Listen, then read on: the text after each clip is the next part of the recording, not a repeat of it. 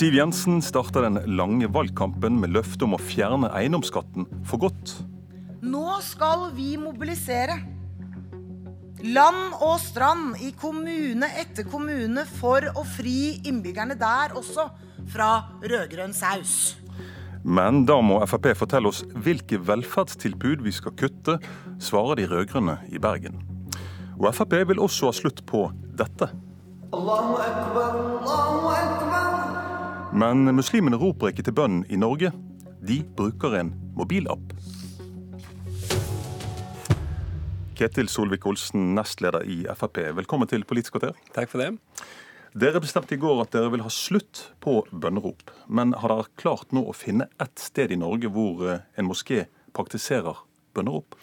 Det praktiseres ikke i dag, men vi vil bare være sikre på at det heller ikke blir tilfellet i morgen. Det, det å støye utover nabolaget med bønnerop anser vi til å være såpass eh, ja, lite ønskelig at vi har vært føre var og sagt eh, at det er et forbud. Og det som du nevnte, det vil jo ikke være et problem heller, fordi at de har funnet andre løsninger. Men da har vi det veldig klart. Ja, Visste du det, at de har begynt å bruke en mobilapp istedenfor det, det er ting vi har diskutert. Samtidig så vet vi at eh, du kunne risikert at du fikk menigheter som valgte å provosere samfunnet rundt seg ved å bruke bønnerop. Eh, nå unngår vi det ved at vi i hvert fall har sagt at vi ikke ønsker det.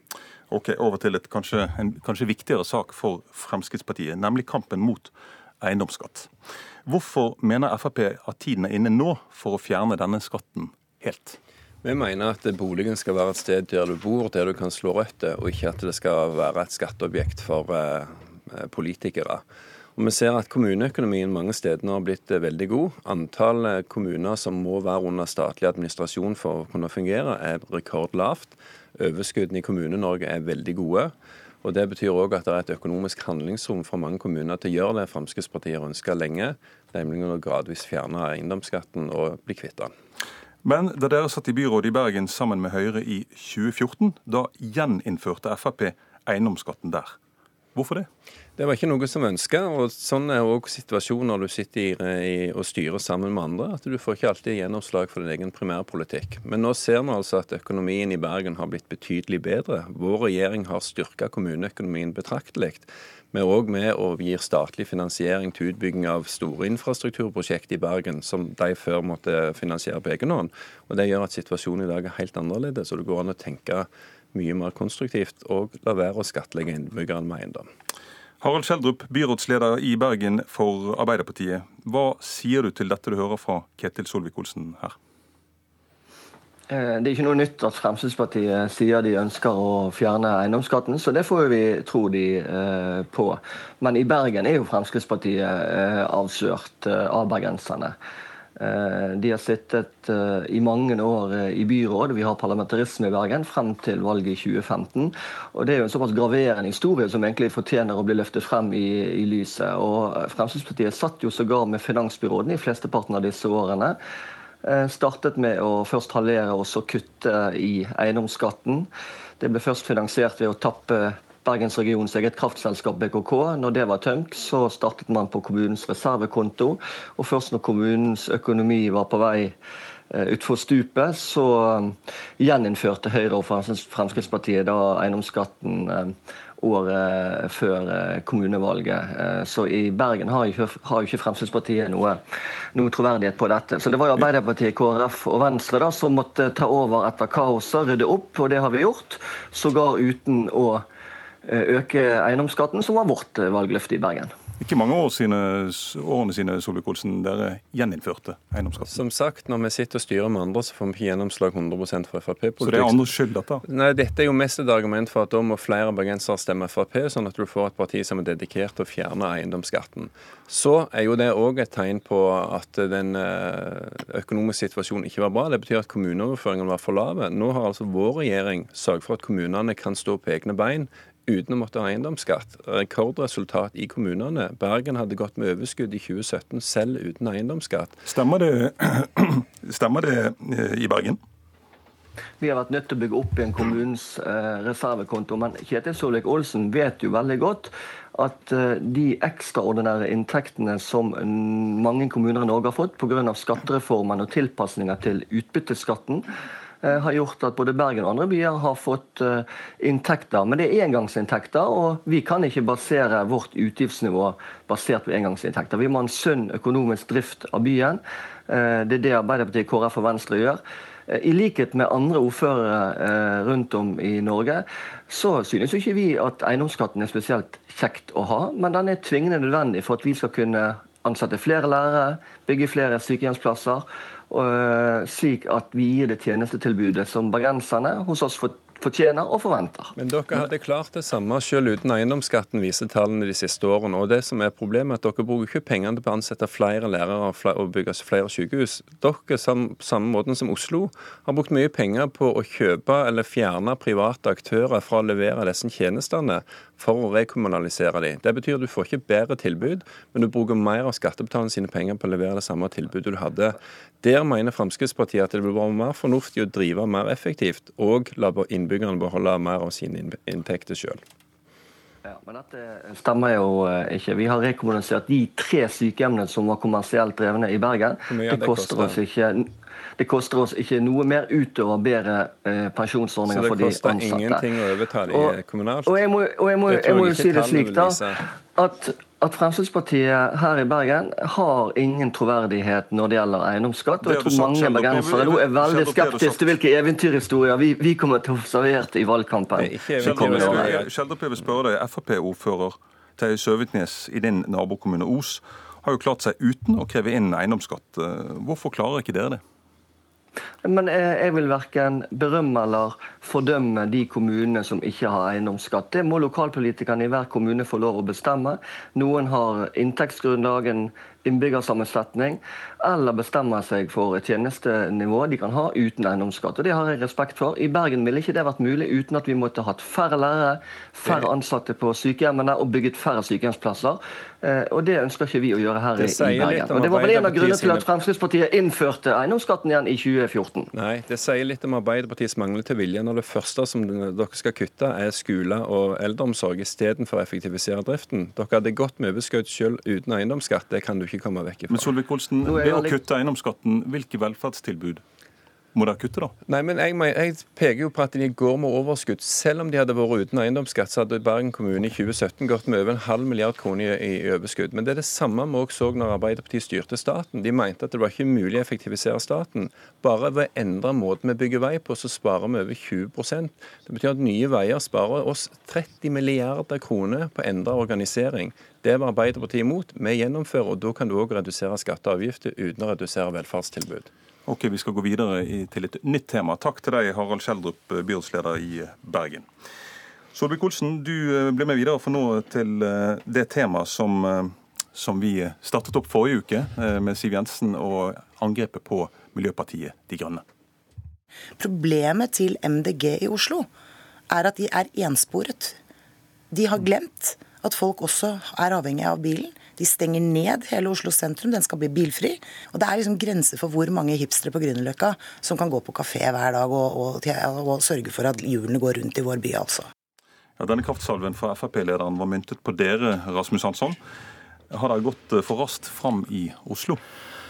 Hvis Siv Jensen hadde fulgt bitte lite grann med i den byen som passerer utafor eh, statsrådsbilen sin når hun kjører på jobben, så hadde hun fått med seg at flertallet i Oslo kjører ikke bil.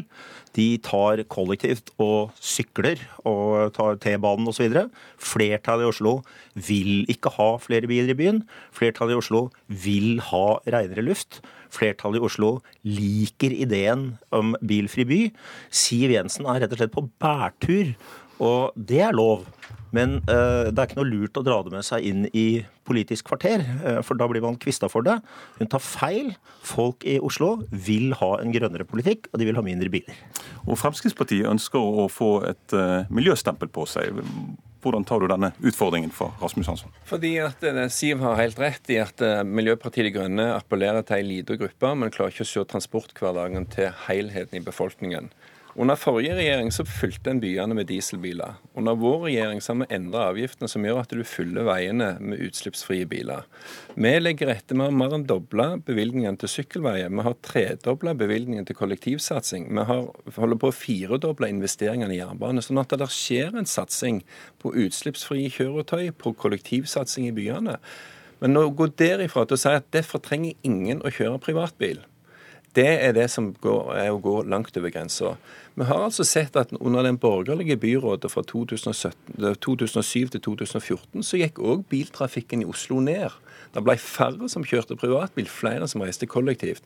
Men det er likevel en del håndverkere, en del folk som jobber sånn og bor sånn, at bilen er en del av hverdagen. Selv Rasmus Hansson tar drosje til NRK, og det er det vi må kunne ha, ha en gradvis utvikling som gjør at hverdagen fungerer.